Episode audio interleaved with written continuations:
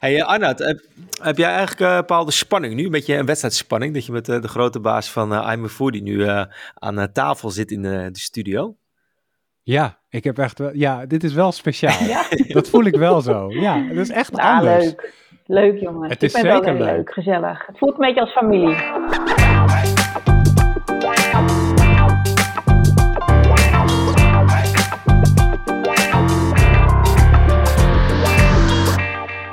Hey, welkom bij een nieuwe aflevering van een podcast over voeding. In deze podcastserie gaan we in op de wetenschap achter voeding en laten we wetenschappers aan het woord over allerlei thema's die met voeding te maken hebben. Bart Mol van I'm a Foodie is er natuurlijk ook weer bij. Hoi Bart. Yes, Arnoud, hartstikke gezellig. Weer een uh, reguliere show. Hartstikke leuk. Ja, heel regulier. Echt niks bijzonders aan, hè?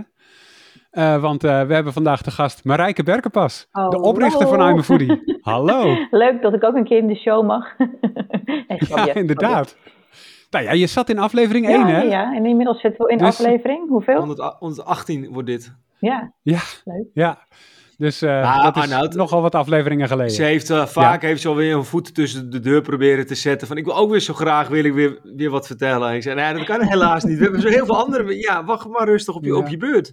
Nu ben ik eindelijk aan de beurt. Fijn. Er zijn, er zijn nog 117 wachtende voor u. Zeker. Maar um, ja, je, je, hebt geen introductie nodig, dus ik ga dat gewoon niet doen. Ik ga gewoon rechtstreeks naar uh, de eerste vraag die we altijd stellen. Ja.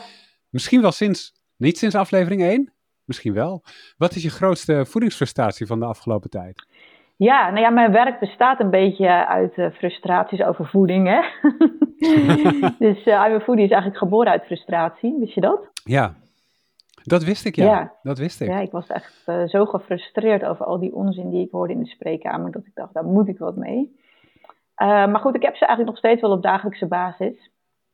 Ik stoor me echt enorm aan, uh, aan die supplementenbedrijven die, je, die je tegenwoordig overal ziet.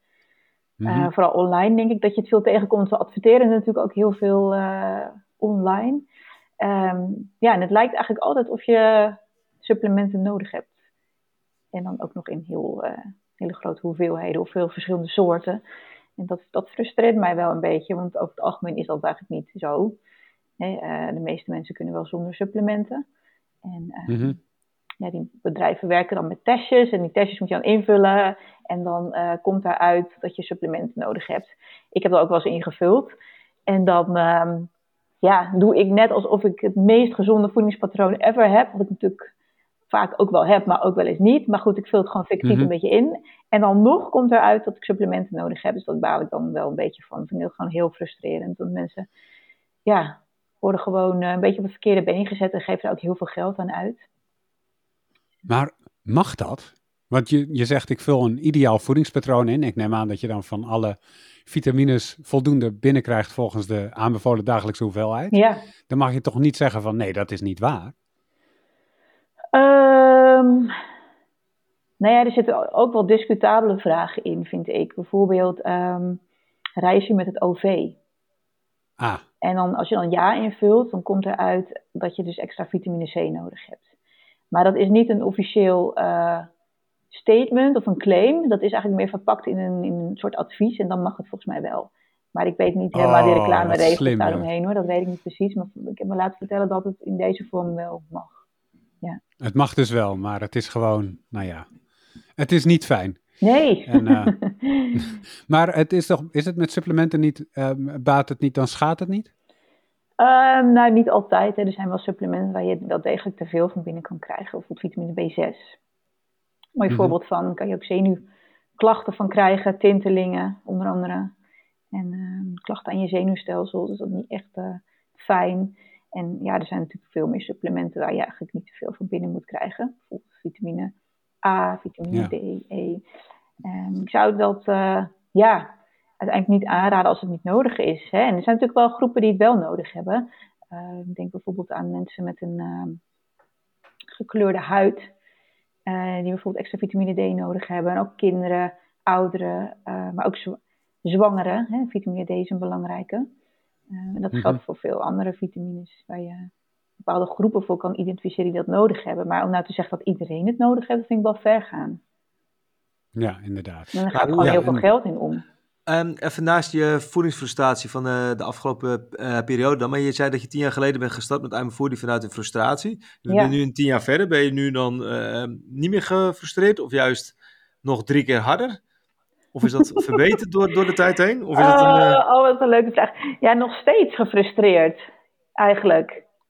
Um, het is misschien niet eens, niet eens echt minder geworden. Maar dat drijft me ook okay. alweer om door te gaan. Met wat, wat we doen. Maar wacht, we zijn 118 podcasts en zes boeken, als ik het wel heb. Talloze blogs verder. Ja. Um, heeft het impact gehad? Nou ja, ik heb me natuurlijk ook wel lang afgevraagd. Hè. Is wat we doen niet eigenlijk een, een, eh, een druppel op een gloeiende plaat? Hebben mensen eigenlijk hier wat aan? En inderdaad, wat je zegt, um, volgens mij onze podcast 300.000 keer gedownload. Dat is natuurlijk echt enorm. Uh, ja. Eet als een expert, dat ons eerste boek is 60.000 keer verkocht. Dat is natuurlijk ook echt wow. veel. Um, en Eet als een atleet zit in het curriculum van uh, diverse sportopleidingen. Dus ja, ik zou niet meer zeggen van we maken geen impact. Ik heb dat in het begin wel afgevraagd, maar nu denk ik, nee, we maken echt wel impact. Uh, we, zijn denk ik daar wel heel bekend in. En we inspireren denk ik ook heel veel collega's, diëtisten, um, leefstijlcoaches om onze materiaal te gebruiken en mensen te helpen. Dus dat gaat veel verder dan wat wij alleen zelf doen.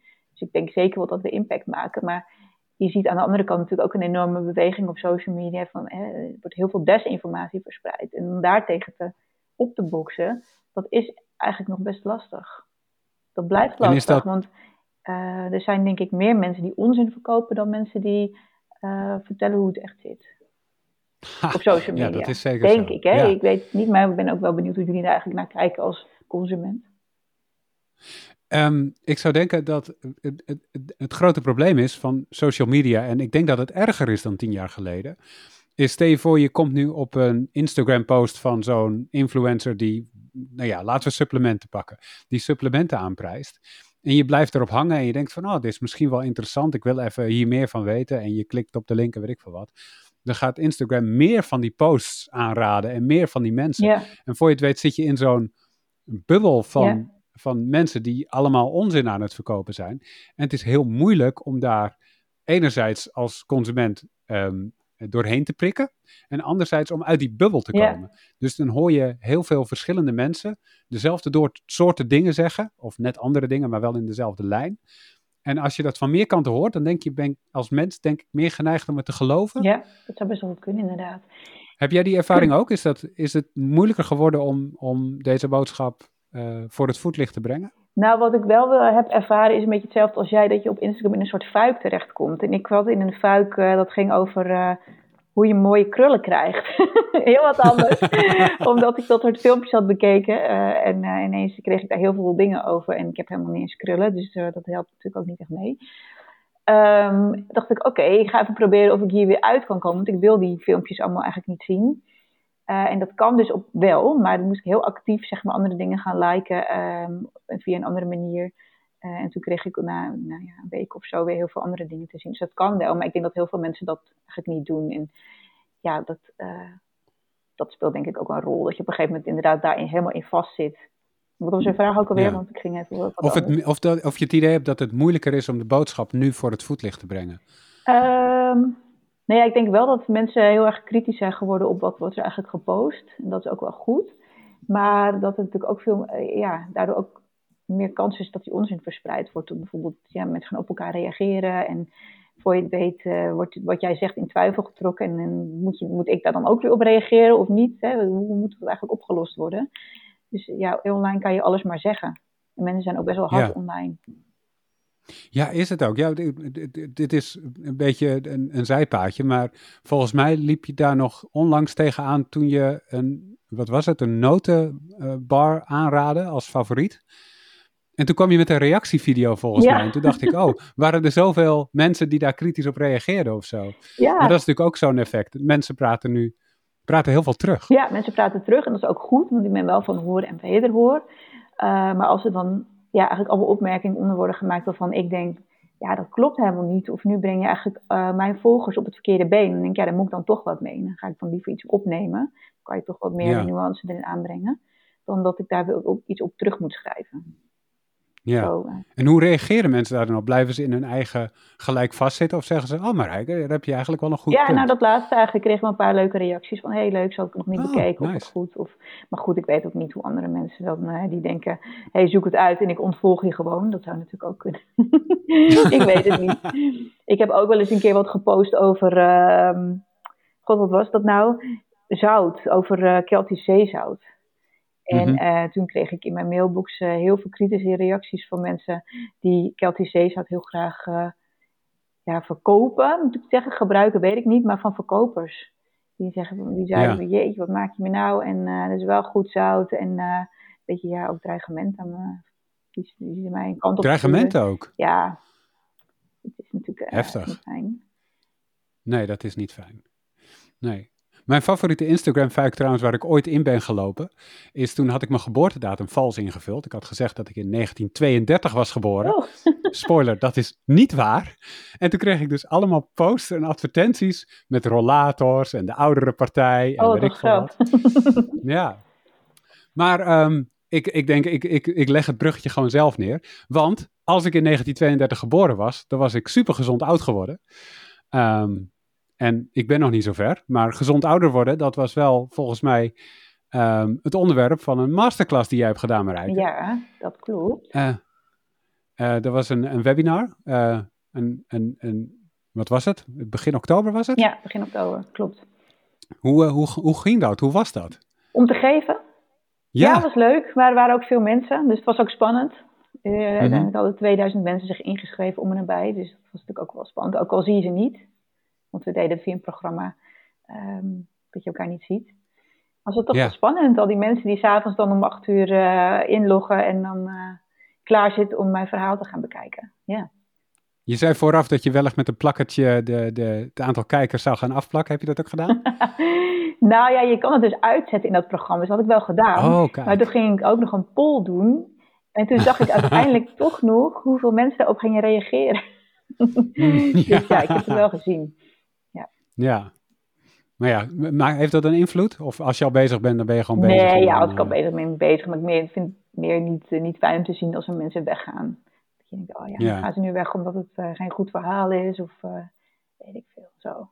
Ja, of, of ze moeten een kind naar bed brengen. Ja, bedoel, je weet niet wat de reden niet, is, maar dat ga je misschien dan toch in je hoofd van, oh, er gaan mensen weg. En, ja, dus tuurlijk, dat, ja. Of een internet valt uit. Ja, precies. Maar je had het over op weg naar meer gezonde levensjaren. Ja. Uh, wat, wat, wat heb je verteld voor de mensen die er toevallig niet bij waren? Nou, het is al een uur, dus ik kan het niet uh, helemaal vertellen. Maar in het kort uh, ging het over dat we, steeds ouder worden in Nederland, of eigenlijk in de wereld. En dat dat niet per definitie gezonde uh, jaren zijn. Als je nu geboren wordt, onze dochter die, die nu geboren is, die pas geboren is, die heeft een levensverwachting van 83. Maar als je 100 jaar geleden geboren werd, had je een levensverwachting van ja, 60, uh, eh, halverwege de 60, zoiets, uh, dacht ik. Mm-hmm. Um, en die extra jaren die we dus de afgelopen eeuw hebben bijgekregen, dat zijn niet per definitie gezonde levensjaren. Althans, we ervaren dat niet als gezond. Dat heeft CBS uitgezocht. Uh, we ervaren dat niet als gezonde jaren, die laatste ja, 15, 20 jaar. En dat heeft onder andere te maken met um, chronische ziekten die we hebben. Vanaf ongeveer ja, halverwege de 40 hebben we eigenlijk al één of meer chronische ziekten gemiddeld gezien.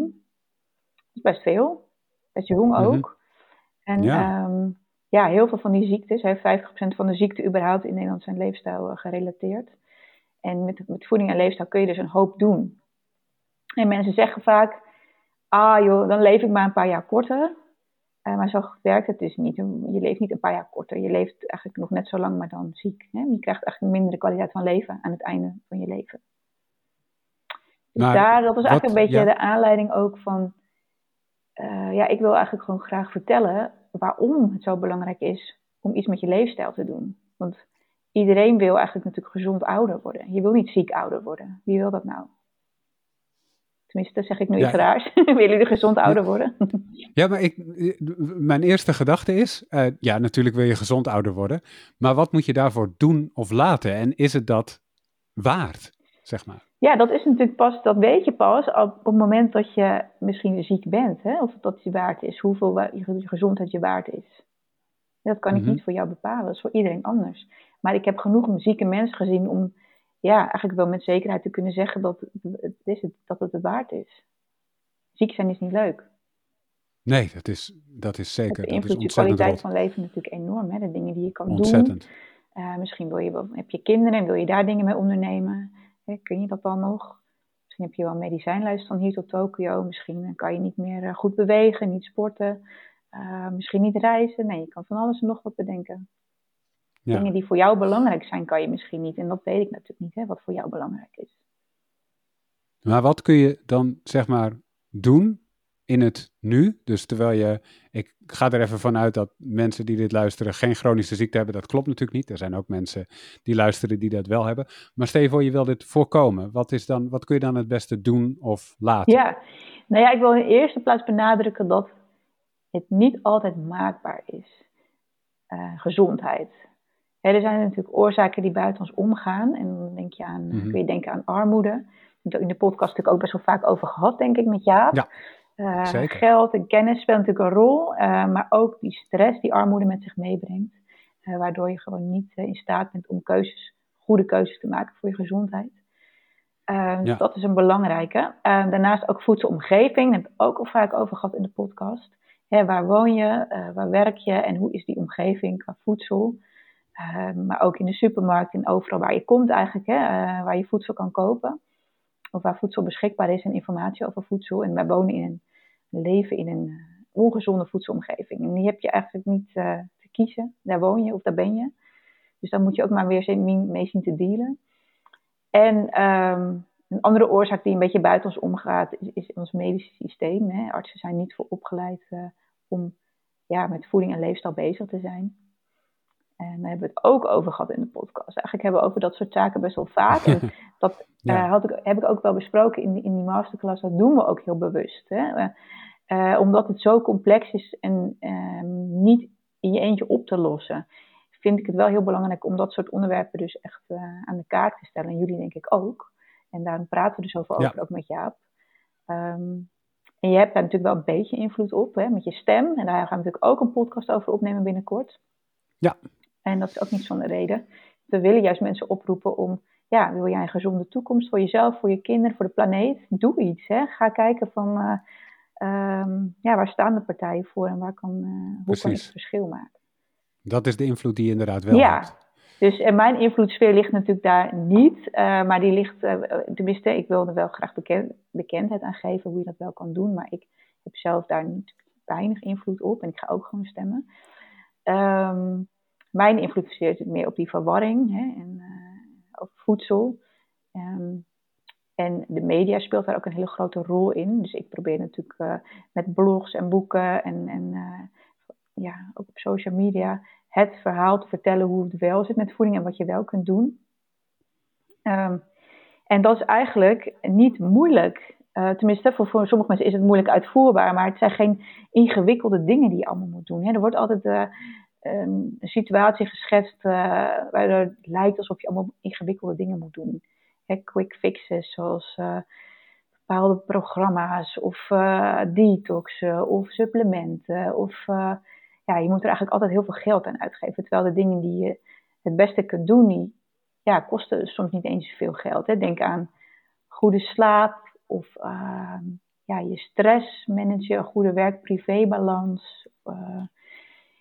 Beweging, um, goede voeding, ja, uh, zingeving is ook zo'n mooie. Hè, wat wil je eigenlijk in het leven? Er zijn heel veel dingen die uh, met gezondheid te maken hebben en met leefstijl, die je op zou kunnen pakken. Niet roken, niet drinken, eh, die niet zoveel geld kosten, die je wel zou kunnen doen.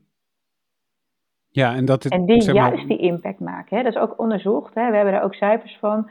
Uh, ehm, RIVM heeft daar ook onderzoek naar gedaan van wat zijn nou eigenlijk de determinanten, zo noem je dat mooie woord, van um, ja, die ziektelast in Nederland. Hè? Die chronische ziektes waar ik het net over had, waarvan een van de, of waarvan uh, halverwege de 40 je al één of meer uh, chronische ziektes hebt, gemiddeld gezien in Nederland. Waar, waar komen die door? Eigenlijk mm -hmm. door onder andere dus roken, drinken, slechte voeding en um, weinig beweging. Hè? Dat zijn de belangrijk, belangrijkste factoren. Is dat ook de, de volgorde? Zeg maar, je noemt niet roken, niet roken drinken, met voeding, stip op één. oh, oké. ja, roken. Als je rookt, dan, is het, dan zou ik daar de prioriteit op leggen om daarmee te stoppen. En dan heeft het denk ik veel minder zin om heel veel tijd en energie te stoppen in het aanpakken van je voeding. En wat is de invloed van voeding ongeveer? Hoe, uh, hoe nee, volgens mij uit mijn hoofd 9% van de ziektelast. Oké. Ja. Dat is toch nog heel wat. Ja. En dat betekent dus ook dat gemiddeld gesproken, als je met voeding eh, goed omgaat. Ik weet niet hoe ik dit zou moeten vertalen, maar dan heb je toch wel aanzienlijk minder risico. Risico, ja, om chronische ziektes te ontwikkelen en ook om eraan dood te gaan. Ja. Ja. Want het is niet, kijk, we hebben het dan bijvoorbeeld over diabetes en coronaire hartziekte en eh, beroertes. Hè, dat zijn uh, eigenlijk uh, de top uh, ja, aandoeningen, of nu zeg ik het wel een beetje stom, maar mm waar we in Nederland dus ziek van worden en ook waar we aan dood gaan. Dat zijn ook in de top 5 van doodsoorzaken. Ja. ja, je noemde al even een aantal factoren waar we geen invloed hebben, een aantal factoren waar we wel invloed op hebben. Ja. En die werken natuurlijk ook op elkaar in, hè, voedselomgeving, ja, die is er. Hoe je daarmee omgaat, dat heb je wel deels zelf in de hand. Ja. Ik bedoel, je komt allemaal in de supermarkt, althans de meeste mensen wel. Maar wat je daar precies koopt, dat, wat je in een mandje stopt, dat heb je nog deels zelf wel in de hand. De aanbiedingen niet, maar of je ze meepakt wel. Ehm, is er duidelijkheid, is er wetenschappelijk consensus, is er inzicht in in hoeverre dit individueel is en in hoeverre dit collectief is? Dus leefstijl, ehm, fixen voor gezondere jaren, zeg maar. In hoeverre is dat collectief en in hoeverre is dat individueel aan te pakken? Sorry, dit is geen makkelijke vraag, dat weet ik. ik weet het antwoord niet. ik weet het niet. Nee, ik weet het eigenlijk niet, Arnoud. Misschien moet je dat aan Jaap vragen. Dat is nou typisch een Jaap-vraag. Die weet het Het is wel echt een Jaap-vraag. ja. inderdaad. Die is ook heel veel bezig met de voedselomgeving en zo. Kijk, ik denk dat je als individu ehm, ja, je moet natuurlijk eerst, uh, je gaat natuurlijk heel kijken naar gedrag. Hè? Waarom doe je dingen en waarom doe je dingen niet? Um, Dus misschien is dat ook wel interessant iets voor Roel Hermans. Die gaat ook een uh, masterclass geven in ons jubileumprogramma. Ja, dat gaat over gedrag. Mm Dat zou ook interessant kunnen zijn. Ja, nu je het toch over de andere masterclasses hebt, want deze heb je dus uh, gratis gedaan, zeg maar. Nu komen de, de, de gewone masterclasses, dat zijn er? Vijftien. Vijftien? ja. Ja. Hoe, hoe ben je tot die, um, tot die keuzes gekomen? Wat voor soort mensen zitten er tussen? Wat voor soort onderwerpen zitten er tussen? En waarom juist die? Ja. Nou, ik ben uh, altijd wel voorstander van om uh, ook anderen aan het woord te laten. Want ik denk, ja, ik uh, heb wel een bepaalde expertise als het gaat om preventie, als het gaat om gezonde voeding, maar ook voeding bij ziekte. maar er zijn natuurlijk veel andere professionals die hele andere takken van sport uh, beoefenen, die ook met voeding te maken hebben. En ik wil zeker niet uitdragen dat ik degene ben die, uh, die daar alles over weet. Dus ik vind het ook altijd heel leuk om andere mensen aan het woord uh, te laten. En ik heb eigenlijk gekeken, wat vind ik nou leuke onderwerpen, waar is veel om te doen. en wie zou daar eigenlijk goed bij passen. Waar ben ik zelf ook een beetje fan van. Hè? Um, zeker wel een fangirl van de mensen die we op het programma hebben staan. Dus zo heb ik er eigenlijk naar gekeken. Dus ook voor, ja, het zijn voedingswereldje is trouwens helemaal niet zo groot, dus we kennen elkaar over het algemeen ook wel mhm. goed. Dus ja, ik heb eigenlijk in mijn eigen kring ook gekeken wie, wie zou daar geschikt voor zijn voor dat onderwerp. En er zijn een aantal onderwerpen die gaan heel erg over uh, preventie. Bijvoorbeeld, uh, Roel Hermans gaat het hebben over gedrag. Hè? Wat als je nou in de actiemodus wil komen, je weet misschien alles al, maar je wil echt iets doen. Um, we hebben ook een masterclass die gaat over het is meer een workshop eigenlijk. Die gaat meer over uh, gezond koken. Hoe kom je nou uit je bestaande kookroutine en kun je het over een hele andere boeg gooien en dat het niet allemaal ingewikkeld is. Dus dat. Um, Jaap gaat ook een hele leuke masterclass geven over het uh, voedingspatroon uh, van de toekomst. Maar ook wat is nou het meest gezonde voedingspatroon? En hoe weten we dat dan? Dat, vooral dat stukje hoe weten we dat? Vind ik wel boeiend. Veel mensen vragen zich af van, hè, verandert die wetenschap niet continu elke dag? of, of, vaak? En, en ja, hoe weet, wat is dan de consensus in de wetenschap? En, en ja, was dat dan 30 jaar geleden ook al zo? En, ja, wat is dan een doorkijkje naar de toekomst?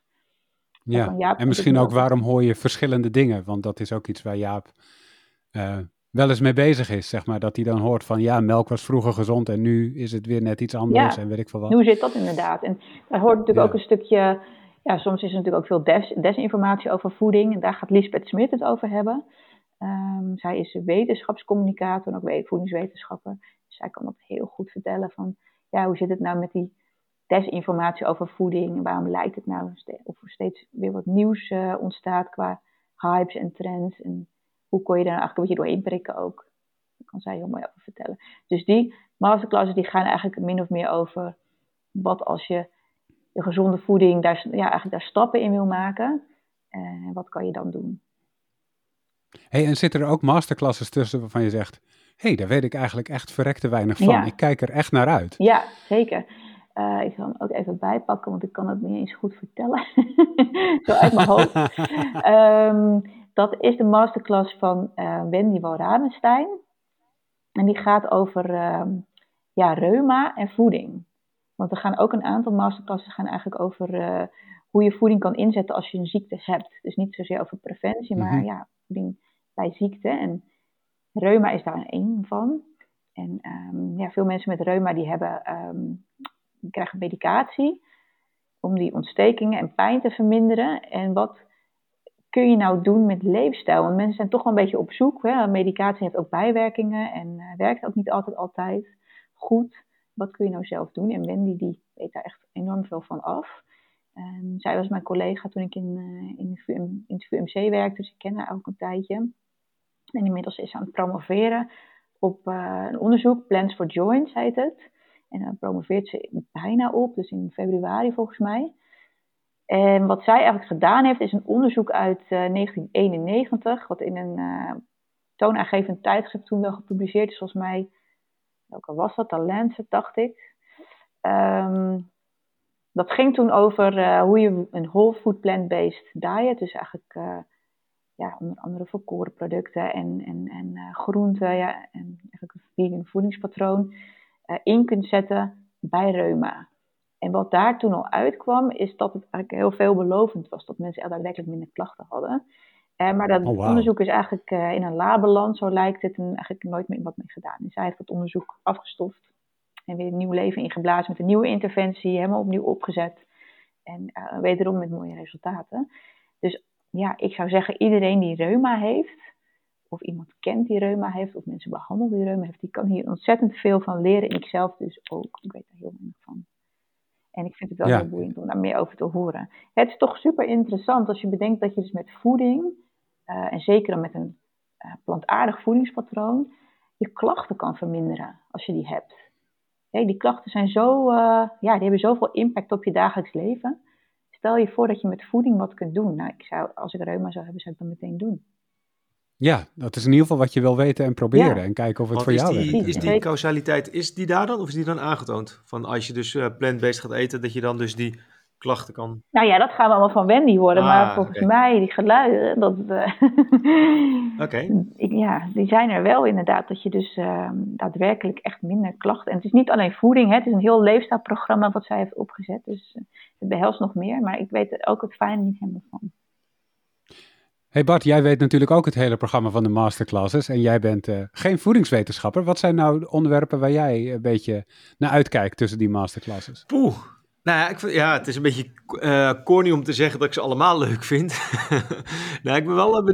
Daar kom je nee, niet mee nee, weg, weet ik. Nou, ik ben eigenlijk wel gewoon... Het wordt meer eigenlijk een soort van een kennistest voor aan mezelf. Van, wat denk ik te weten?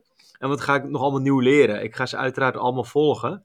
Uh, en ik ben ja, ook wel sporty, dus ja, ik ga zeker de, de voeding en hardlopen van uh, Titia, die wil ik volgen.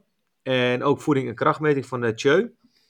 En ja, het mooie is misschien eigenlijk ook een beetje voor de luisteraar, dat er gewoon elke maand is weer een nieuw een onderwerp, een thema. Dus het is nu nog oktober 2023, maar gewoon heel 2024 ja, is gewoon elke maand een hele leuke, ja, leuke thema die wordt aangeboden.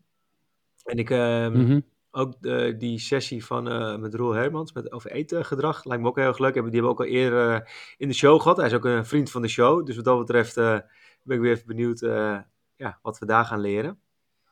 En ik zag ook trouwens dat Marijke ook twee sessies gaat geven. Eentje over het micro, microbioom. Dus misschien kunnen we daar nog wat het, het hemd van het lijf vragen, Arnoud. Want dat was vroeger heette dat volgens mij darmflora. Maar daar hebben we ook een keer met broodje Japel over gehad, oh, volgens mij. Dat heet tegenwoordig weer anders. Dus dat ging over prebiotica en probiotica. Ik, bedoel, ik zie het als een tuintje in mijn darmen, maar ik weet niet of dat ook weer goed is. Dus wat kan je erover zeggen, Marijke, uh, over ja. dat onderwerp eigenlijk? Nou, ik ben natuurlijk uh, van huis uit, zou ik zeggen, MDL-diëtist, maag-darm-lever-diëtist.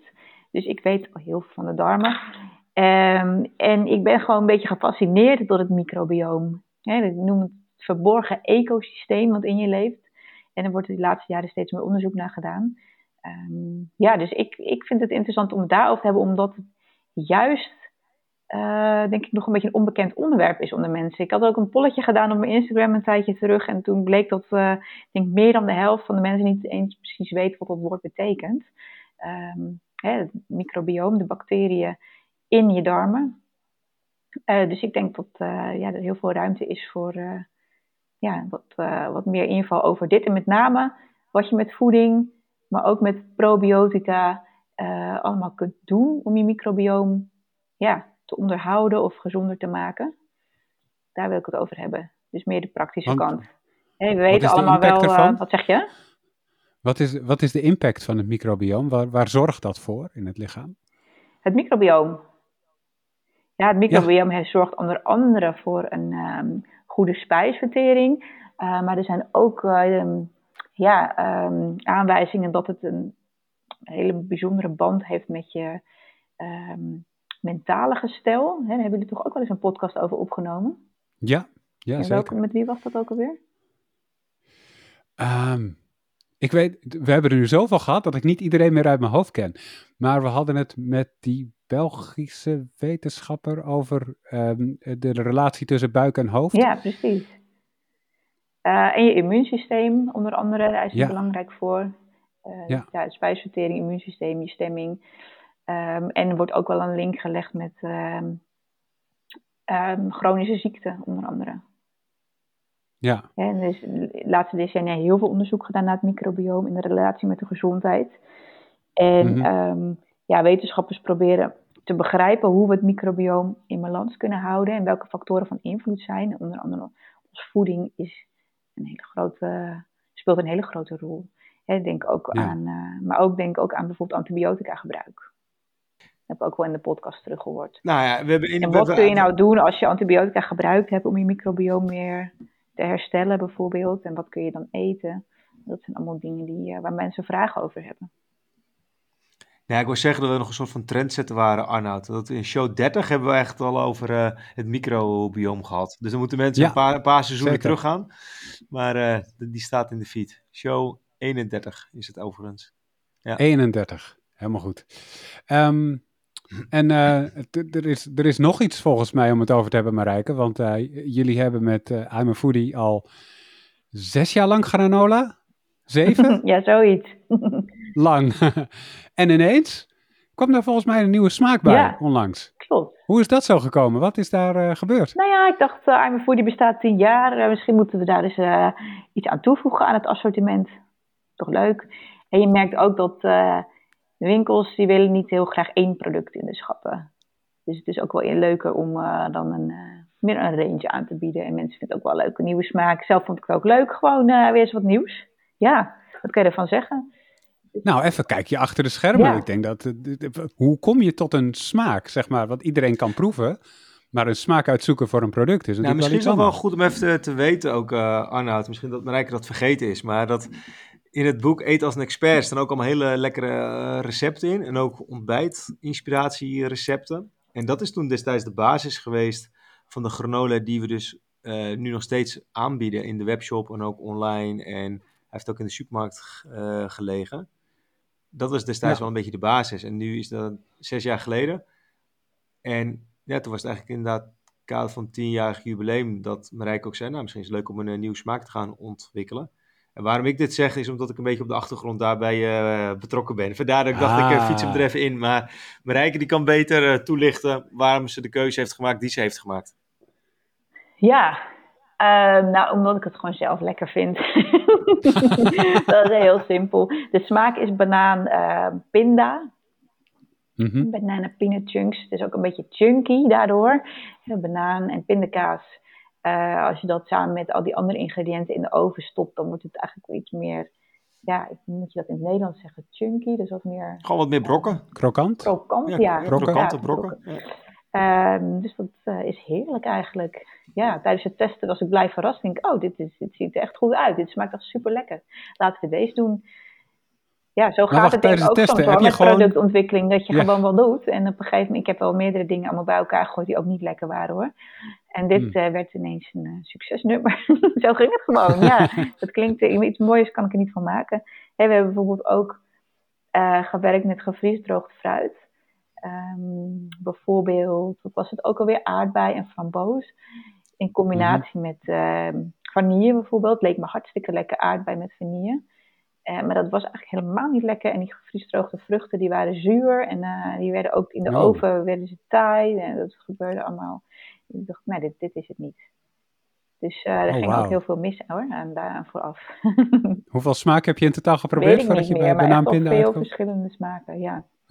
moet natuurlijk ook allemaal voldoen aan de richtlijn goede voeding. Hè? Dus ik wil, ik wil er ook niet palmvet aan toevoegen of uh, uh, extra um, suikers bijvoorbeeld, wat we ook niet. Of, ja. Nee, maar een vervolgstap is op een gegeven moment ook, als je het eerst in je keuken maakt, is een ander verhaal dan dat je het industrieel laat produceren door een producent die dit dus in duizenden kilo's moet gaan doen. Dus dat je zegt, oké, okay, um, het, het, uh, een ingrediënt is geprakte banaan. Ja, hoe ga je dat doen? Of er zit ook gewoon echt 100% pindakaas in. Uh, ja, alle combinaties bij elkaar. Hoe zit dat dan op een industriële manier? Dus daar zit altijd wel weer een stapje naar voren, een stapje naar achter. En, uh, maar het leuke is dat ook, ja, je bent gewoon aan het testen in de keuken. En daarnaast uh, ben je een logo of een etiket aan het maken. Nou, je moet een keuze maken voor verpakking. Dus in dat kader hebben we nu niet alleen een nieuwe smaak, maar ook gelijk een nieuw redesign van de huidige granola. Dus die heette eerst ja, I'm Foodie granola. Maar ja, omdat we nu een tweede smaak hebben, moesten we ook een beetje ja, de creatieve keuken in. Van oké, uh, welke naam gaan, we, gaan we eraan geven? Um, ja, die nieuwe smaak die heet dus um, Peanut Banana Chunks. En die originele smaak die heet Totally Nuts.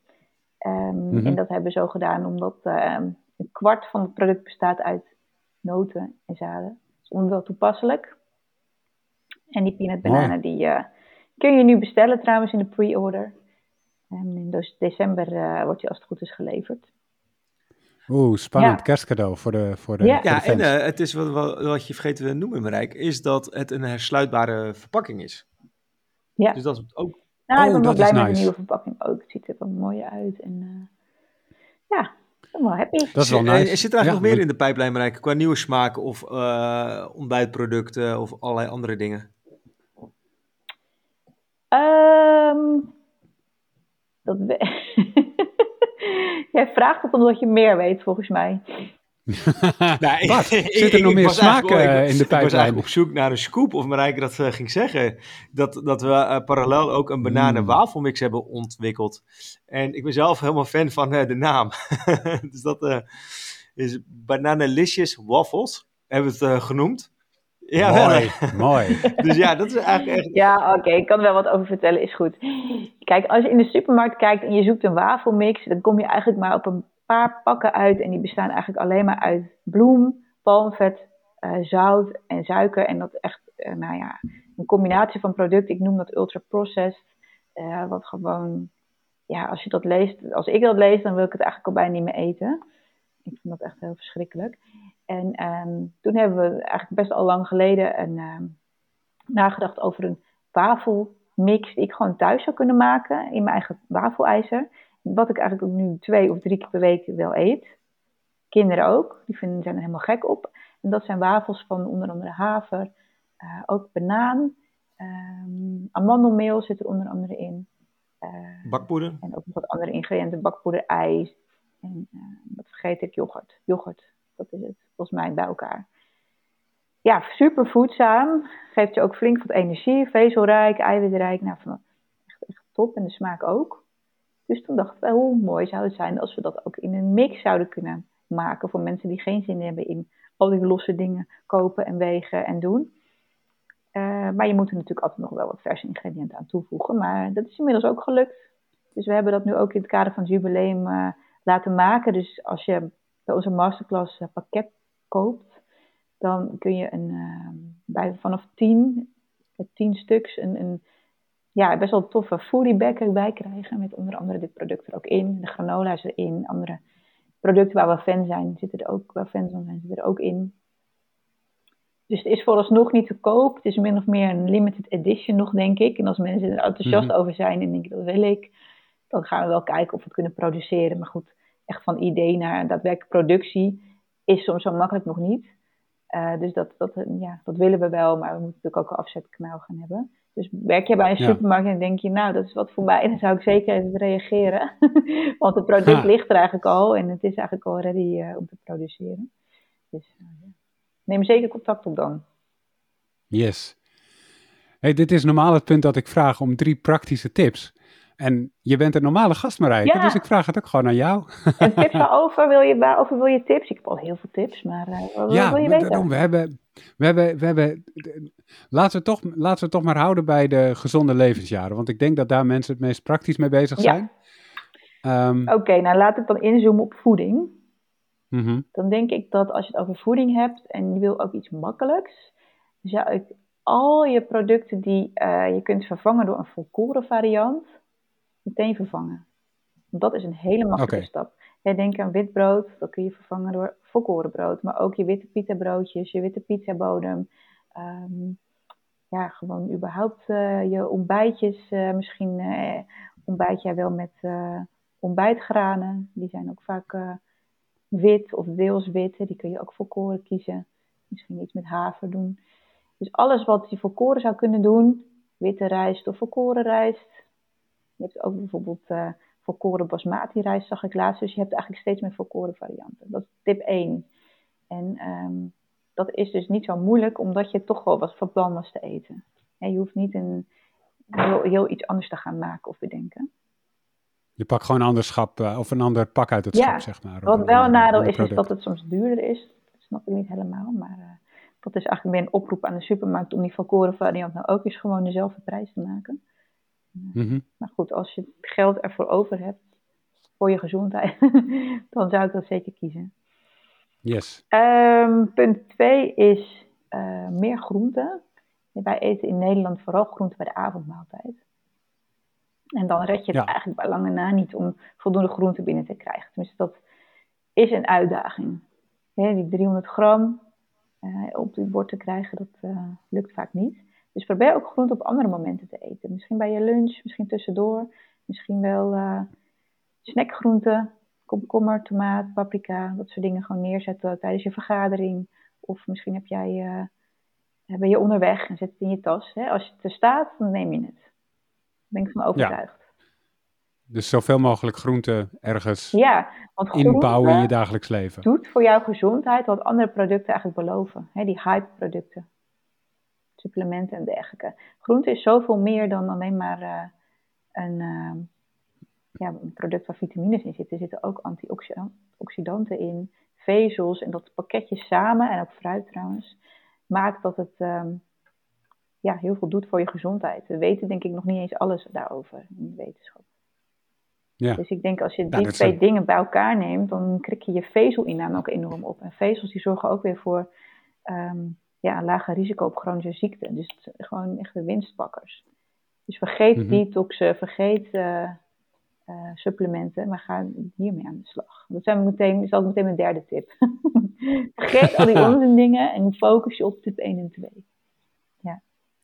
Helemaal goed. Ja, dat zijn wel bruikbare dingen waar uh, mensen, voor zover ze nog niet mee aan de slag waren, mee aan de slag kunnen.